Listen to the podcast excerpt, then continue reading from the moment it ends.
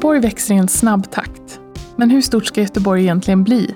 Hur kommer den framtida staden se ut? Och vad styr stadens utveckling? Det här är podden för dig som är intresserad av stadsutveckling i stort och smått. Programledare är stadsarkitekt Björn Sisjö. Välkomna till Götepodd som idag ska handla om belysningens betydelse i staden. Det låter lite som vattnets betydelse för sjöfarten, men, men i alla fall har jag med mig Lars Ocklund här, planeringsledare belysning på stadsmiljöförvaltningen. Välkommen Lars! Tack så du ha. Och jag har också med mig Frida Almqvist från Ljus i Allingsås. Ja. Välkommen ska du vara Frida. Tack ska du ha. Mm. Vad, är, vad är ljus i Allingsås? Ja, numera kallar vi det Lights in Allingsås. Och det är viktigt. Da-da, Da-da. på utrikiska. Mm. Ja, på utrikiska, precis. Eh, och det är ju ett event som nu i år eh, går av stapeln för 24 året. Nästa år har vi 25-årsjubileum. Och syftet med den är att ge ljusdesignstudenter möjlighet att uppleva ett projekt från första idé till färdigt, färdigt projekt som är installerat och klart. Så det är huvudsyftet med det hela. Ja, jag sitter och låtsas att jag inte vet någonting, men jag har ju varit på en massa ljus i Alingsås, så att, eh, det är ju jättecoolt. Eh, Lars, planeringsledare belysning, det låter ju kort och bra. Vad, gör man då? då? Oj, det dagliga värvet är väl mer att hålla ordning på en av våra tre drift och underhållsentreprenader i stan. Se till så det lyser på gator och torg egentligen. Mm. Eh, Men sen har vi ett lite, lite sidoprojekt som vi försöker utveckla belysningen också. Belysningen tar ju ganska, har en ganska hög fart på utvecklingen i teknik. Så där får man hålla sig i framkant om man ska hänga med. Vilket vi gör, tycker jag, i Göteborg. Ja, ja. Vad är egentligen belysning då? Det, det, det är ju, det är ju, jag menar, man kan börja med att fråga, vad, vad är egentligen ljus för någonting? Frida, vad är ljus för någonting? Den fysikaliska förklaringen är ju ganska komplicerad med fotoner som träffar en yta och reflekteras till våra ögon som någonstans mellan ögat och hjärnan uppfinner ljus. Det är ju lite komplicerat, men eh, jag tänker att ljus är ju allt det som möjliggör att vi ser allt runt omkring oss och eh, skapar trygghet, säkerhet och stämning. Det finns Ja. så mycket filosofi med ljus också. Alltså ljus och mörker. Och jag menar, det kan du gräva hur djupt du vill i. Ja, men det kan man göra. Och är det en eh, partikelström eller är det en vågrörelse? Um, ingen vet. Eller det båda. Men i alla fall, belysning är ju någon sorts särfall av ljus då på sätt och vis. Va? Eh, Där, där vi har ordnat ljuset eh, Mm. istället för naturen. Vad, vad, vad, är, vad är det liksom, men vad är det med belysning? Det är väl bara att skicka upp ett gäng lampor och sen är det klart? Va? Eller? Ja, det kan man tro. Eh, och det kanske det var en gång i tiden när vi hade andra ljuskällor. Men nu teknikutvecklingen har ju liksom gett oss möjligheter att styra det på ett helt annat sätt. Både över tid men också var vi vill att det ska landa och hur vi vill att det ska se ut. Det enklaste förklaringen kan jag känna det är, det är att ha bilden av teatern. Mm. De har ju lyckats att manipulera ljus och våran omgivning och eh, känslomässigt i ganska många hundra år faktiskt. Bara genom att ställa om ljuset kan du ställa om en, en känsla i en, en teaterlokal. Ja, just det. Och ljus bygger väl egentligen rum också. Mm. Det är väl det ni håller på med med Lights Med in lights. Alingsås. Ja, precis. Mm, Det gör vi. Mm. Bygger flera rum. Men, men, men, men vad, vad, vad liksom... Gör vi det i städer nu för tiden? Då jobbar vi med ljus på det viset? Eller är vi mer så här, nu lägger vi ut en bombmatta? Jag tycker vi jobbar väldigt mycket med det faktiskt. Och nu senaste åren har det också blivit en, en förflyttning eh, närmare det här med ekologiskt tänkande, den biologiska mångfalden. Vi ska vara rädda om fladdermössen och våra småkryp som faktiskt har en stor påverkan på vårt liv också. Vi tror kanske inte det, men det är det. Och då har ljus, alltså våra biologiska klockor styrs ju av ljus, solen i huvudsak. Och när vi börjar stöka med den på kvällar och förlänger nätter och så, så eh, behöver vi tänka igenom hur vi gör det tror jag. Och tekniken gör ju att vi kan det nu. Just det, för vi behöver mörker också. Eller? Eh, För den biologiska Absolut. mångfalden och för, för, för, eh, för, för faunan. Liksom. Inte minst för människorna. Men det tror man ju inte, men så är det. Nej, men vad intressant. Behöver människor mörker? Ja, ja, det behöver vi. Vi behöver våra viloperioder för att få ordning just på den eh, inre biologiska klockan så att vi sover och är vakna vid rätt tidpunkter. Kommer det här ur balans så kan det ju faktiskt leda till ganska allvarliga sjukdomar och sjukdomstillstånd. Så mm, det är viktigt. Och det är också viktigt då för djuren, för de, deras beteenden eh, ändrar ju fullständigt. Och de flyger fel och de kan inte jaga, och de får ingen mat och de kan svälta ihjäl och vågar inte ge sig ut på jakt. Eh, eller så samlas de till, till eh, felriktade ljuskällor och blir mat för andra rovdjur för lätt helt enkelt. Nu blir det genast väldigt mycket krångligare än att bara skicka upp några lampor. Ja, Mm, ja det är en vetenskap. så, att, eh, så egentligen så jobbar du även med mörker då, Lars? Absolut. Ja, ja, speciellt över tid, skulle jag säga. ja, ja. Eller växelspelet mellan ljus och mörker på det viset. Ja, och att ha ljuset där det behövs, den tid det behövs. Det är inte så att vi behöver ljus dygnet runt egentligen. Det är ju, drar man det, hårdrar man det så är det ju det är en klassisk tortyrmetod faktiskt. Ja. Och bara ha tänt dygnet runt. Och den har vi tillämpat i våra städer ganska länge nu. Ja.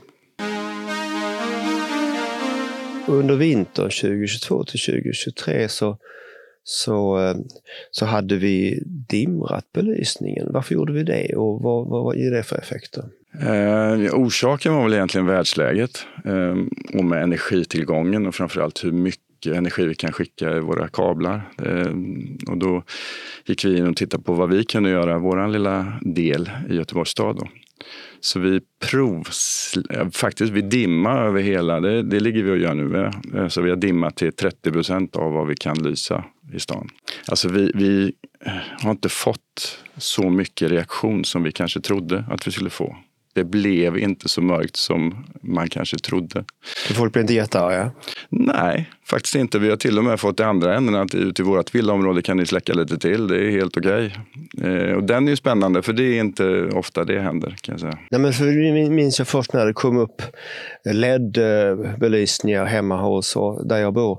Och och då var det liksom som att shit vad mycket ljus. Men det har kanske lugnat sig nu. Då. Det, det har Mm, det säkert ja, gjort. Vi har säkert dimrat lite där också. Absolut. Och det, det pågår ju hela tiden. Den, alltså vi jobbar ju med det hela tiden för att ställa in rätt nivå på rätt plats. För det är väldigt olika. Det är, ju, det är ju eh, flera aspekter på ljus där. Det är ju energiförbrukning. Men sen den konstnärliga aspekten på det, liksom där, hur vi bygger rum och sånt. Men, men berätta, hur, hur, hur gör ni egentligen i Alingsås med detta? då? Alltså under workshopen är det ju väldigt speciellt. Då, då får det ju vara mera eventbelysning och då kan det vara färgat ljus och det kan vara riktat lite mer upp i himlen än vad vi skulle önska och så vidare. Men då är det under en begränsad tid. Eh, Men i Alingsås generellt så arbetar vi ju med väl ljussatta platser och ljusdesign. Där det ska vara hållbart över tid och skapa trygga och trevliga rum. Jag bara måste fråga då, blir det något kvar av de här eventplatserna från år till år? Eller bygger man vidare på någonting av det? Det där, där är jag ju ambivalent. Det finns ju många platser som är så mörka som en av årets sajter som i vanliga fall är liksom helt kolsvart. Och visst, det hade varit jättefint att ljussätta den. Men då blir jag av med en riktigt bra sajt till Lights om några år. Å andra sidan nu med dagens styrning om jag kan få lite avancerad styrning på den permanenta belysningen då kan jag ju släcka den under lights och göra något annat. Men eh, det är ju först nu som den möjligheten egentligen finns. Annars har allt varit kopplat på samma gatubelysning. Avancerad styrning, vad, vad styr man då? då? Och, och, och vad kostar det att göra sånt? Då? Ja, det kostar ju lite mera initialt. Men då har man möjlighet att styra varje armatur som man vill. Eh, och från distans också, så du behöver inte gå och koppla om jag skåpar ur en säkring för att släcka en, en lampa, utan du kan göra det från din dator. Ehm, och då Eller telefonen? eller telefonen, precis. Och det kostar lite mer initialt, men då kan du också programmera in nattsänkningar och scheman och sånt så att du kan spara väldigt mycket energi och ha också närvarostyrning. Eh, Men, så- men hur mycket är lite grann? Är det 10 000 per stolpe eller är det något annat? Det finns olika sätt, men om du ska ha både en styrpuck och ett abonnemang för att få det här att funka så blir det väl kanske, och ett, eh, ett drifton som klarar det hela så blir det kanske 1 och 5 per armatur extra. Är det inte mycket med tanke på På vad helheten kostar? Så att säga. Nej, börjar du liksom lägga till, till att, du ska, att du kan kommunicera det också? För det är också en grej, att du kommunicerar med varje enskild lampa och slipper kanske åka ut och eh, kolla om den funkar. Eh, vi håller på att bygga upp nu i Göteborg faktiskt, så vi ska kunna kommunicera tvåvägs där vi, alltså egentligen, lampan säger till, helst en vecka innan att nu får ni komma ut och fixa mig för jag tänker inte lysa mer. Eh, och då har du vunnit den här eh, ronderingstiden. Och du behöver inte ha entreprenörer som åker runt i stan och slösar energi på att åka och titta. Liksom. Rondering det är att åka runt och titta. Ja. Då åker man runt och kikar. Mm. Och du slipper du minimerar också det i alla fall. Och felanmälan. Du behöver inte vänta på att det kommer in en felanmälan från allmänheten som ska hanteras och det ska skickas ut folk. Men kan inte den datakunniga medborgaren hacka det här och tända och släcka sin egen gatlampa utanför sitt fönster? Ja, ja, men allting går ju såklart. Men jag menar, man kan, vi hittar ju armaturer med skotthål också så man kan ju släcka på andra sätt. Det finns Så. olika sätt att släcka Ja, lampor ja. helt Ja. enkelt, får vi konstatera. Mm. Om vi nu går tillbaka till belysning i allmänhet. Vad, vad är det som är bra med, med belysning eh, i en stad? Liksom? Det, det kanske låter uppenbart, men, men liksom, Ja, men jag tror, ja, ja, det är ju min fasta eh, uppfattning att vi bygger städerna och vi, du sitter ju som stadsarkitekt, vi bygger ut städerna. Någonstans behöver vi också använda städerna längre tid över dygnet. Det är så. Vi blir fler och fler och vi, vi kan inte bygga hur brett eller högt som helst. Eh, Så jag tror det är där vi har, alltså vi behöver ljuset en längre tid. Det var väl så det började någon gång. Man satt och knåpade och sydde och grejer och behövde lite ljus på kvällen. I Alingsås fick vi första gatlyktan när någon trillade i lillån. Eh, Ja, du Det ser, det ska hända något. Ja. ja, Men ljus är också en demokratisk fråga i allra högsta grad. Okej, Absolut. Mm. För att vi måste ju se till att staden är tillgänglig för alla. Och där tror jag vi har det stora kruxet fortfarande. För att folk inte vågar röra sig ute på gator och torg. Ju fler människor vi har ute, desto tryggare är det. Mm. Men om folk inte vågar röra sig ute så blir det otryggt. Och det svåra är ju då att få rätt personer att komma ut på gatorna. Ja, det vill säga typ tjejer och typ Tanter, på natten. ja. På natten. Tanter, ja. ja. Mm. Men då får jag komplementera. Alingsås, för det är en av de stora grejerna jag tänker med Alingsås. Man har lockat ut, i oktober när alla andra sitter inne och tittar på tv, så har man lockat ut i Alingsås gamla, unga, folk med rullatorer och familjer och liksom alla. Jo, nej, men visst. mitt i, på I ur och kvällstid. skur. Liksom, I ur och skur också. Mm. Ja, den är bra. Ja, men det var några år sedan jag var där, men det var ju folkfest. Mm. Ja, det är det. det var folkfest. Mm. Eh, Men, men okej, men, men vad, vad är problemet med belysning i en stad? Då? Det här är ekologin som har seglat upp nu, eh, som är, det är ett stort problem tror jag. Mm. Mm, Och det kan vi nog bara rädda oss med genom att forska och styra. Egentligen. För vi behöver ljuset, vi, vi klarar oss inte utan det. Eh, Sen kan det ju vara bländningar eller eh, överbelyst. Och, ja, Felbelyst som Fel. skapar otryggare platser ja, också. det är väldigt Ja. lätt också. Mm. Så det är inte bara mörkt ljus som behövs, utan det behövs rätt ljus och åt rätt håll. Och Ja. På rätt tid. Rätt ljus på rätt plats vid rätt just tid. Det, just det.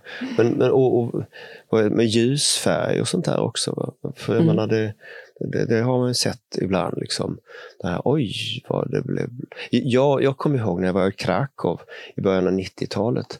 Då hade de sådana här orange natriumlampor eh, på en del gator. Och andra gator hade helt fantastisk ljussättning.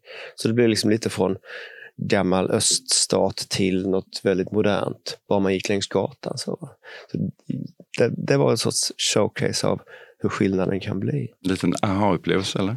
Ja, folk såg helt gröna ut i ansiktet i den här orangea, ja, ni vet. Så, Ja. Ja, det är helt underbart. Det finns en sån, jag vet inte om den skröna, men det finns en sån story också om att, för det finns en sort, nu är den väl utrangerad tänker jag, men lågtrycksnatrium där som jobbar i ett spektra där du tar inte fram någon av färgerna. Allting blir brunt. Har du rött på det så blir det brunt. Har du blått på det så blir det brunt. Allting blir brunt.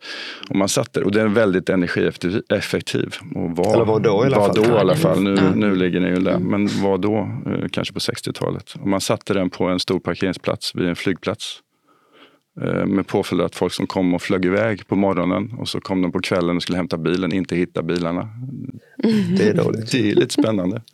Alla bruna bilar. alla bruna bilar. Göra hela världen brun, ja. Nej, det, det är ju kanske inte det vi vill. Nej, Kanske nej, inte. Nej, men Nej. absolut inte. Um, men alltså, i era jobb här, får ni mycket input från allmänheten och sådär? Får, får ni liksom, är folk arga? Är folk glada? Får ni höra sånt? Absolut. Oh ja.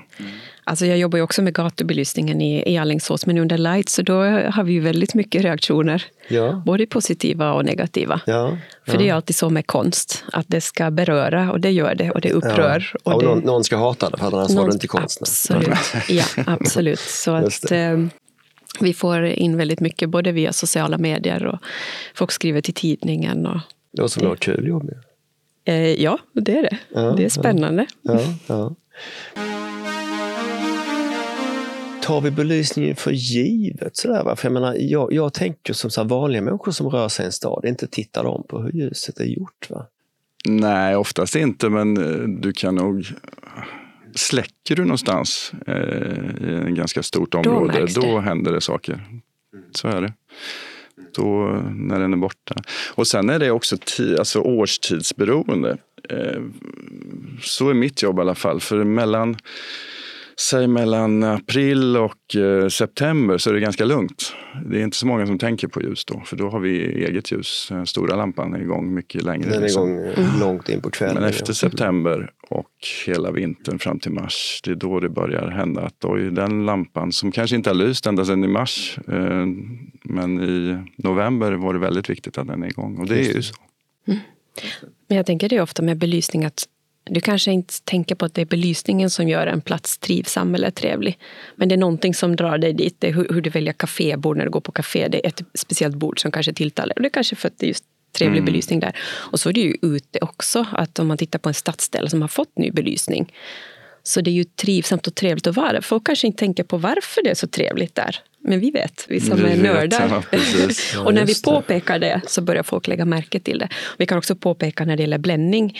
Och där har jag ju fått arga samtal som av min mamma som skällde ut mig att efter att jag hade pratat om bländning så såg hon bara bländning överallt.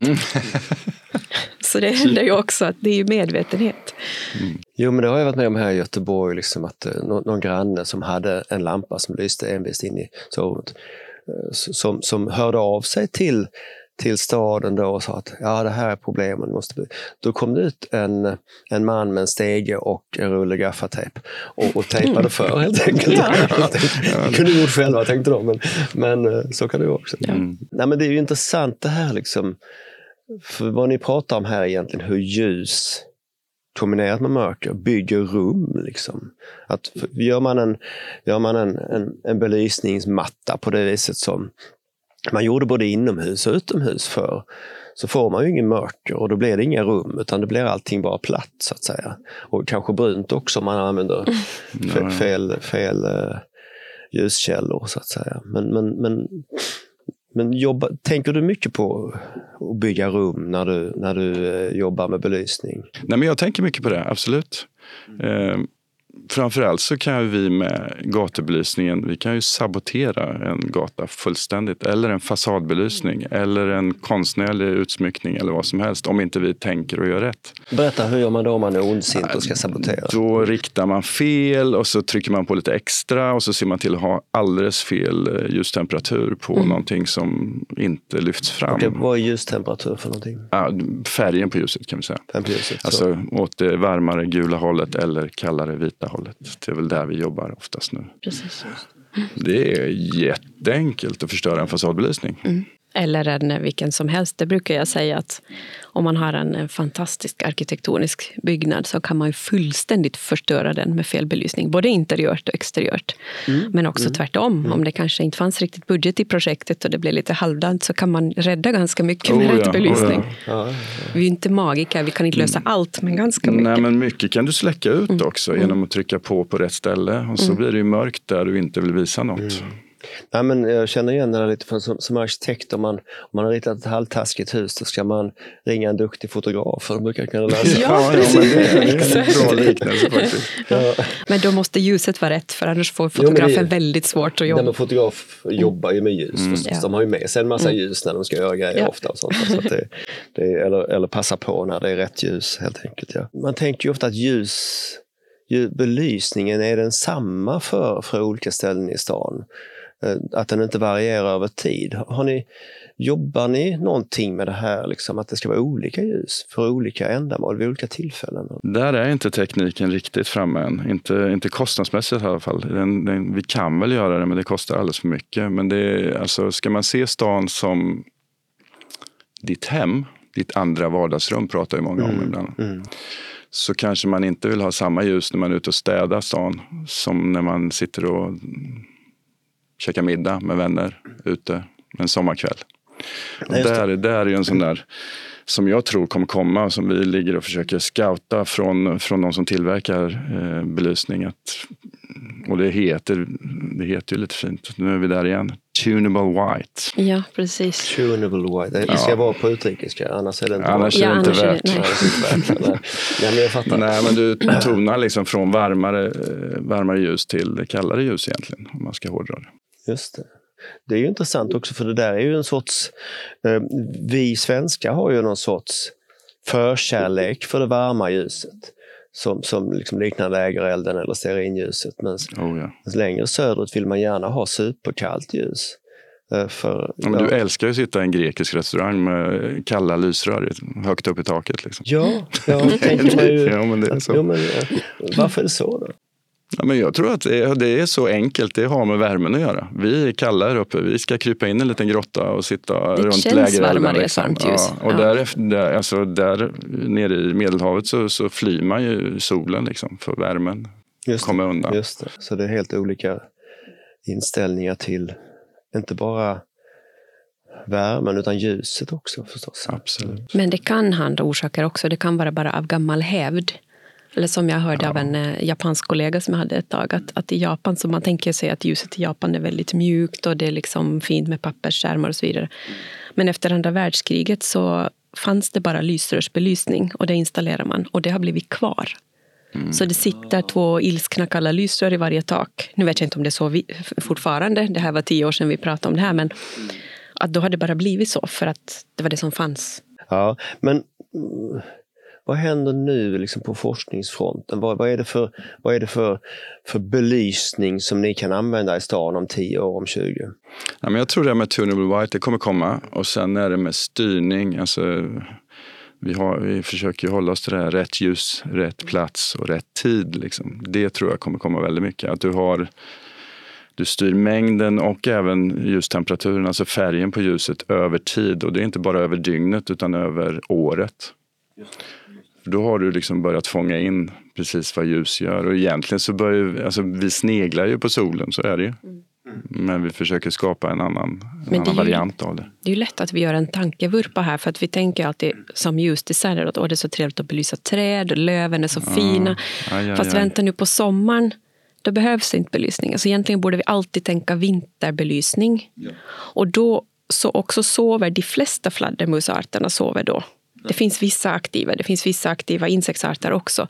Men vi gör gärna det här tankefelet att vi tänker alltid sommar när vi ska belysa någonting. Nej, men ja, du, inte ens träden mår ju bra av ljus egentligen. De behöver också vila. Det, finns, det kan du titta på nu. Det är höst nu. Det är jättebra. Gå och kolla på det när de fäller löv. Det, där det sitter i lövverket en lampa så kan du garanterat ha löv kvar mycket längre. Och det är inte riktigt bra för trädet heller. Nej, de behöver också vila. Och det de knoppas för tidigt på våren också. Exakt. Så kan det frysa i Så frosten sen. den där liksom, eh, effektbelysning som alla gräver ner i sina villaträdgårdar, den är kass. Den ska styras, den ska släckas, styras, den ska den ska släckas. släckas, Ja, det vid också- midnatt eller ja. när man går och lägger sig. Ja, men liksom. det är det också är en det. sån där grej som är helt underbar. LED har ju kommit som en frälsare. Mm. Alltså vi, vi på gator och så, så kan ju vi sänka energiuttaget med du vet, 50, 60, 70 procent eh, i vissa fall. Men det, det gäller ju inte för det är också billigt att inköpa så då, då är det ju, köper man ju mer av grejerna. Till exempel, du pratar om villaträdgårdar. Du köper du ju inte bara en slang, du köper ju 15 slangar istället. Och helt plötsligt så har man liksom vridit den där vinsten man gjorde att det var billigt och det var energisnålt till att bli något annat. Fast du får i alla fall en finare belysning i din trädgård. Du hade kanske en 100 watts Men glödlampa inte- som inte gjorde så mycket Nej, nytta sant. och nu har du spridit ut det på 25 ljuskällor som Nej, faktiskt men- gör någonting vackert. Och sen styr du det så du släcker Ja, det. men sant. Men, men, Ja. Jo, men, liksom- alltså, det, men Alla vad du säger är att det är lätt hänt att bara för att det är Mm. mycket billigare med LED än det var med de gamla ljuskällorna så fläskar man i så att det så härjar Exakt. till. Så får man ett Risken tivoli finns. av det hela så att säga. Mm. Ja. Risken finns. Men staden i övrigt då liksom. Eh, blir det tryggare för att vi har mer, för att vi har mer ljus? Inte mer ljus, men eh, rätt ljus skulle jag säga. Det, det är också sån här klassiker. Eh, vi har haft många diskussioner med våra mm, kära blåljuspersonal, alltså polis och annat som vill ha, om det händer något i någon parkområde, och då vill man ha mer ljus. Men det är inte riktigt det man är ute efter egentligen. Eh, det blir inte bättre eh, av mer ljus, det blir bättre av planerat ljus. För att få, för tryggheten är inte ljuset i sig själv. Tryggheten är att det kanske rör sig folk. Du kanske klipper upp en häck för att du ska få insyn, att det är någon som ser. Det är, alltså, det är helt andra grejer, men ljuset kan vara en ganska stark eh, spelar i det, absolut. Men det är inte bara ljus och inte mer framförallt. Och går du från noll ljus till ljus så har det ju såklart en trygghetsaspekt. Eh, ja. Men sen så hjälper det inte med mera ljus som, som lär sig. Utan då är det mera genomsikt och vertikala ytor och så som ska belysas. Jag funderar lite grann nu, uh, lite grann med utgångspunkt för att ni har ju en festival i Alingsås. Hur, hur, kom den dit och vad hände egentligen? Varför blev det så? Jo, men det var ju mm, några studenter eh, som studerar ljusdesign och deras lärare som ville ha någonstans att provbelysa. Och så närmar man sig Göteborg och frågar om man fick komma, men eh, Göteborg sa tydligen nej. Så då ringde de Alingsås. Och så kom de dit och så hade de en, eh, en helg eller så när de testade belysning. Och så var det folk som såg detta och det såg ju väldigt trevligt ut. Och hur många år sedan var det här då? Ja, det är ju 24 år sedan nu. Då. 24 år har ni hållit på. Ja. ja. och då så var det någon på kommunen som upptäckte detta. Att, att det här var ju kul, att ni får gärna komma igen. Och så blev det en grej. Och sen hade ju har förändrats väldigt mycket under åren. Det är lite olika varje år. Men jag, det är fortfarande... jag minns faktiskt det de första åren, där, för jag var med i utkanten där lite. Då, kommunen hade svårt att få um, kaféer och restauranger att vara öppna första åren. För det var liksom, det blev, det var dyrt, det var lite jobbigt. Och ska vi ha öppet på kvällen, det var väl inget kul liksom. Just det. Men sen har det men, tagit men, fart. Nu har det tagit fart och nu är det faktiskt, vi gjorde en undersökning här för födde för det för två år sedan. Och då var det faktiskt visat sig att flera kaféer eh, och restauranger hade möjlighet att ha sin personal året runt tack vare Lights i Alingsås. Så det gör väldigt stor ja, skillnad för näringslivet. Och det sa vi nej till. Ja, men det är mm. jättesmart. Mm.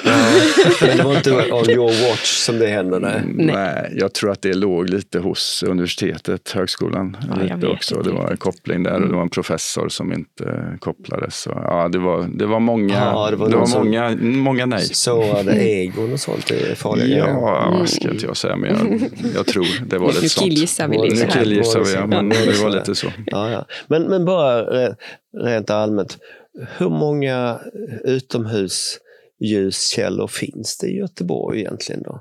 Vi ansvarar ungefär för 100 000, 100 000. ljuspunkter kan man ja. säga. Mm. Så det är, det är en sån på sex göteborgare ungefär? Mm. Ja, ja. ungefär.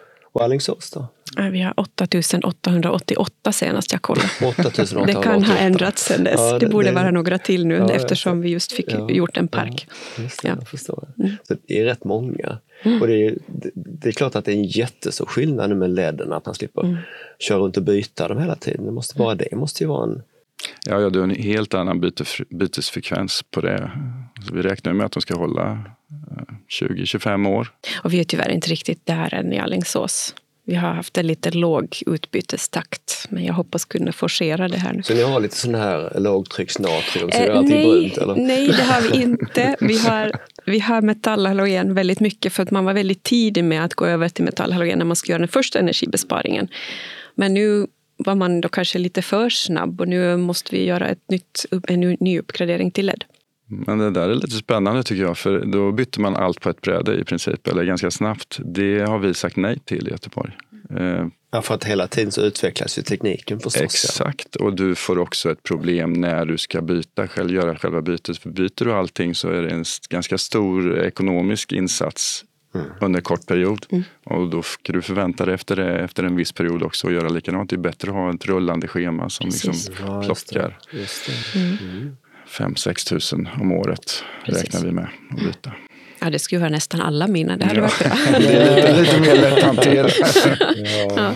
Nej, jag har väl ungefär 3 000 kvar som jag behöver byta. Men jag kan inte göra allt på en gång. Men hur är det med det här med säkerhet och trygghet. Ja, trygghet är ju upplevd säkerhet så att det är ju besläktade saker. Men hur jobbar ni med det i olika delar av staden egentligen? Ja, men vi försöker fånga behov och det, därför är det ganska viktigt. Vi har en ganska djup djupt samarbete med kollegor på förvaltningen som har direktkontakt med socialförvaltningen. Eh, sen har vi faktiskt ett pågående projekt, det kommer jag precis på nu också, som eh, vi har startat upp i Hjällbo. Eh, där vi har samlat fastighetsägare, polisen, skolan, socialförvaltningen för att utgå från de som verkligen bor där och se vad som behövs. Och då är kanske inte ljuset det är inte bara ljus och inte bara belysning, men det är huvudspelaren och det är där man samlas runt och sen kommer det annat eh, ut av det också. Men vi, ljuset är en stor spelare där som vi ska försöka få till då, utifrån deras egna behov. Jag, jag har ju hört också att ni har lite tunnelprojekt för gångtunnlar och ja, liknande. Mm. Det har ju löpt på då ganska länge. Nu har det gått över i en annan form, men ett, under några år, ganska många år, så jag tror vi fick ihop eh, lite över 10, 11, 12, 13 tunnlar där vi har jobbat konstnärligt också. Alltså vi har fått ihop en konstnär och en ljusdesigner som har tagit hand om en tunnel som stadsdelen själv har nominerat och utsett till wow. en eh, sån farlig eller mm. otrygg tunnel. Eh, och det har visat sig vara ganska bra också. Eh, för då blir det något extra. Det blir, du vänder steken lite extra hårt för att du går från en väldigt otrygg plats till någonting som man kanske till och med vill komma och besöka. Ja, Frida, alltså, vi har ju människor och fladdermöss och mörka vinterkvällar i båda städerna. Vad är skillnaden egentligen då mellan Alingsås och Göteborg? Storleken kanske? Ja, och, och, och, hur påverkar det ditt sätt att arbeta då, med, med ljus? Nej, där skulle jag inte säga att det är någon skillnad. Vi behöver fortfarande rätt ljus på rätt plats vid rätt tidpunkt. Eh, jag har färre tunnlar att ta hand om. Jag har några på min lista som jag ska titta på. Jag älskar att jobba med riktigt läskiga tunnlar för de blir så mycket bättre när man gör någonting. Det räcker med ganska, ibland till och med små insatser ja, för att det ska ja, bli bra. Det... Och det handlar inte om mörkerljus utan det handlar om att göra något intressant av dem. Precis. Mm. Det ska gestaltas med en helhet, som en helhet. Ja, men det är likadant där. Om du får folk att, att använda tunnlarna istället för att gå en annan väg. Eller, för det har vi också sett, man, ja. man undvek dem. Då. då blir det fler människor som, som färdas på den här vägen i den här tunneln och då blir det tryggare per definition. Jag hade ett sånt projekt när jag jobbade i Stockholm, i Österåker. Då var det en, den mest otrygga mest vandaliserade gångtunneln som jag fick ta hand om. Mm. För då var det så att folk snedda över en slänt och över en väg mm. från busshållplatsen för att slippa gå i den här tunneln. Mm. Och där lyckades vi, hade väldigt lite budget, men vi lyckades eh, vända det hela och mm. det blev så bra. Den hade inte vandaliserats på ett år sedan. Um, så det funkar väldigt bra och folk börjar använda den. Mm. Ja, Då är man en, väldigt nöjd. Det finns en sån här brytnivå, 100 människor i timmen. Då är det i genomsnitt en, en var 40 sekund. Då hinner man inte hitta på så mycket fuffens. Nej, det blir jobbigt i alla fall. Det blir jobbigt i alla fall. Uh, är det för lite folk så blir det otryggt. Jag kan bara dra den med det här projektet som vi har haft också. Formas finansiera projektet som vi pratade om en annan gång. Um, det ska nu in i nästa fas också. Vi ska faktiskt försöka kommunicera ljus på ett lite annorlunda sätt, vilket är ganska spännande. Och då ska vi försöka nå eh, sådana som eh, är beslutshavare och andra som, som liksom har rådighet över de här frågorna. Eh, och vi tänkte använda den här digitala tvillingen och se hur det går. Okej, men nu har jag två frågor. Formas, vad är det för det första? Mm. Eh, Formas är egentligen ett statligt eh, som ger statliga forskningspengar för hållbarhet. Och i det så har vi, vi har fått pengar i två omgångar nu, och vi är inne på andra omgången, för att forska om just ljus. Och den digitala tvillingen, det får du förklara. Eh, digital tvillingen är ju något som Göteborg har, man, ska, man har skannat hela stan tror jag, i olika upplösningsgrad. Och så, det finns en ett Göteborg i den digitala världen. Eh, och vår tanke är att kan vi använda den för att kommunicera till, till beslutsfattare och visa där vad, vad påverkan blir beroende på vilket beslut de tar i vissa frågor och då med rikta, alltså inriktning på ljus så kan de få ett mycket bättre beslutsunderlag. Och så kan man vandra runt i den här, alltså det är den, den så ultimata målbilden. Kan man vandra runt i tvillingen och ställa om ljuset utifrån olika parametrar? Kanske drar vi ner lite på ekonomin eller ökar vi ekonomin? Drar vi ner på ekologin eller ökar vi på ekologin? Så får ju det påverkan. Och kan vi göra det digitalt så man verkligen upplever det så kan man ju få eh, en ganska god bild av vad det beslut jag tänker ta i nämnd eller annat, vad det har för påverkan på den riktiga staden sen. Och såklart visste jag vad den digitala tvillingen var. Eh, det var för våra lyssnares skull som jag ställde frågan. Och den använd, ska vi använda också i fortsättningen för all typ av beslutsfattande runt eh, stadsplanering. Så det är ljuset, det är bara, belysningen är bara en aspekt av det hela. Ja, men det är jättebra, för det är ju jättemycket billigare att göra fel där än att bygga fel. Ja. Det är det helt enkelt. Då får jag tacka så hemskt mycket för att ni kom och upplyste göteborgarna om, om, om allt detta. Eh, det har varit superintressant att prata med er och eh, tack så mycket Frida och tack så mycket Lars. Tack så tack. mycket. Du har hört ett avsnitt av Götepodd som produceras av Göteborgs stad. Redaktörer är Ann Bergermark Rintala och Peter Wanding. Samt redigering Josef Bosir.